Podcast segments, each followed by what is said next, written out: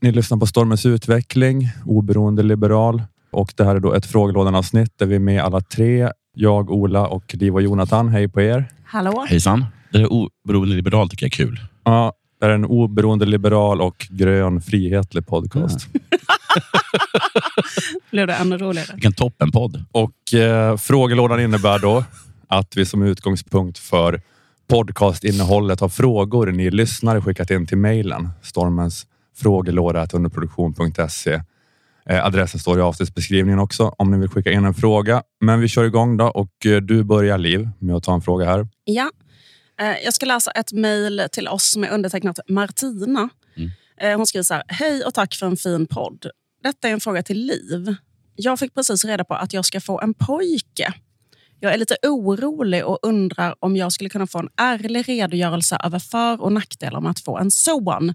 Vänligen Martina. Ja, eh, alltså jag får faktiskt ganska ofta den här frågan. Mm. Eh, det är liksom rätt många som journalister och så genom åren, alltså, då folk som vet att jag har tre söner eh, kan ofta ställa den här frågan till mig. Eh, om jag har liksom något råd eller så.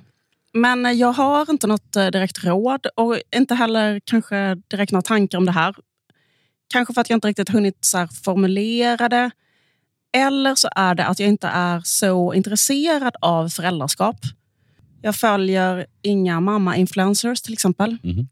Jag har aldrig varit inne på familjelivsforum, förutom för jobb. Men jag har aldrig liksom varit inne där och, eller på något annat mammaforum diskuterat och så. Mm, mm.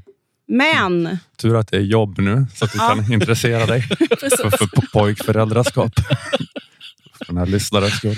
Ja, men först så hände det hände ni, ni är någonting. pojkar, upptäckte jag idag. Det hände någonting nu för några veckor sedan när det helt plötsligt kom upp en mamma i offentligheten som jag för första gången kände igen mig i. För första gången så kände jag mig speglad av en offentlig mamma. Och Det var när jag hörde det här på Radiosporten.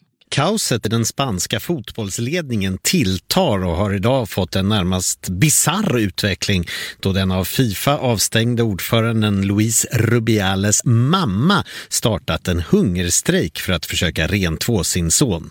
Det skriver den spanska tidningen La Marca. Rubiales kysste Jennifer Hermoso på munnen efter Spaniens VM-guld för en dryg vecka sedan, vilket har fått en hel fotbollsvärld att reagera. Rubiales vägrar att avgå trots att både Fifa och den spanska regeringen har tryckt på. Rubiales mamma, Angeles Bejar, har nu låst in sig i en kyrka och meddelar att hon inte tänker äta förrän hennes son är rentvådd. Andreas Mats, Radiosporten. Ja, det, Ja. det här har jag också tänkt mycket på. Det här tror jag är alla kvinnors värsta mardröm. Det här är... ehm, man kan tycka att det är, är bisarrt. Samtidigt som jag är en pojkmamma som känner igen en fellow pojkmamma. Mm.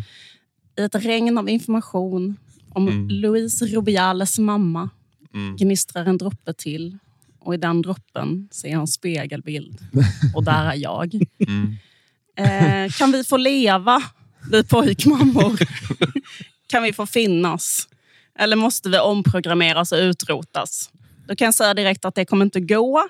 Mm. För vi pojkmammor är på ett sätt. Alla är inte lika extrema, men vi har liksom ett drag. Och Vissa har det jättemycket och andra har det mindre. Men vi har det. Och det som vi har är att vi lever efter en eh, sak som vägleder oss i livet. Och det är då min son är bäst och han kan aldrig ha fel. Mm. Så om min son vill något så måste det per definition vara rätt eftersom det är min son som vill det. Jag hade en grej om det här på Della, i Della Sport. Och då så tänkte jag att... För jag kommer ihåg eh, att snacket som om att, att folk med umgås sa så här, vad hemskt man får en son, tänk om han blir våldtäktsman. Men då har jag börjat förstå nu då med med henne att det som man egentligen säger då tänker man är våldtäktsman är inte gud vad hemskt om han är en våldtäktsman, utan vad hemskt då att jag kommer bli Robert Halles mamma. Det är det man säger. Ja, ja, ja. Att um, man har inget annat val än att, Nej, men att göra den där grejen. automatiskt bli så. Nej, det är så. Det går inte att göra någonting åt. Rubiales mamma är bara en pojkmamma, blir ingen pojkmamma. Och också en kvinna blir ingen kvinna för att hon passar på också att eh, banta.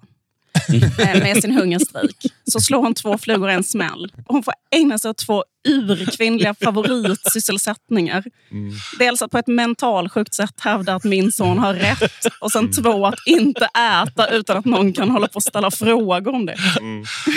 Fäll inte en tål för Ruberales mamma. Hon har aldrig haft det så bra. Det här var ett litet smakprov för att få tillgång till detta avsnitt och eh, samtliga avsnitt bakom väggen. Eh, gå in på underproduktion.se och logga in och skaffa en prenumeration.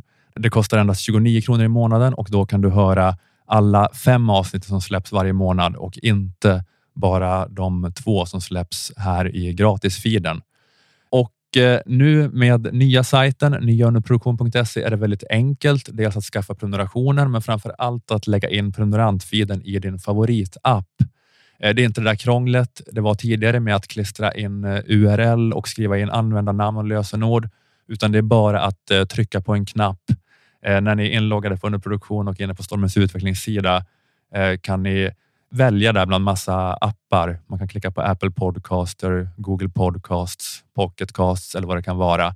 Ni kan från en lång lista där välja en favoritapp och så öppnas poddflödet automatiskt i den appen. Eh, skulle det uppstå några problem eller frågor så kan ni mejla support underproduktion.se för snabbt svar.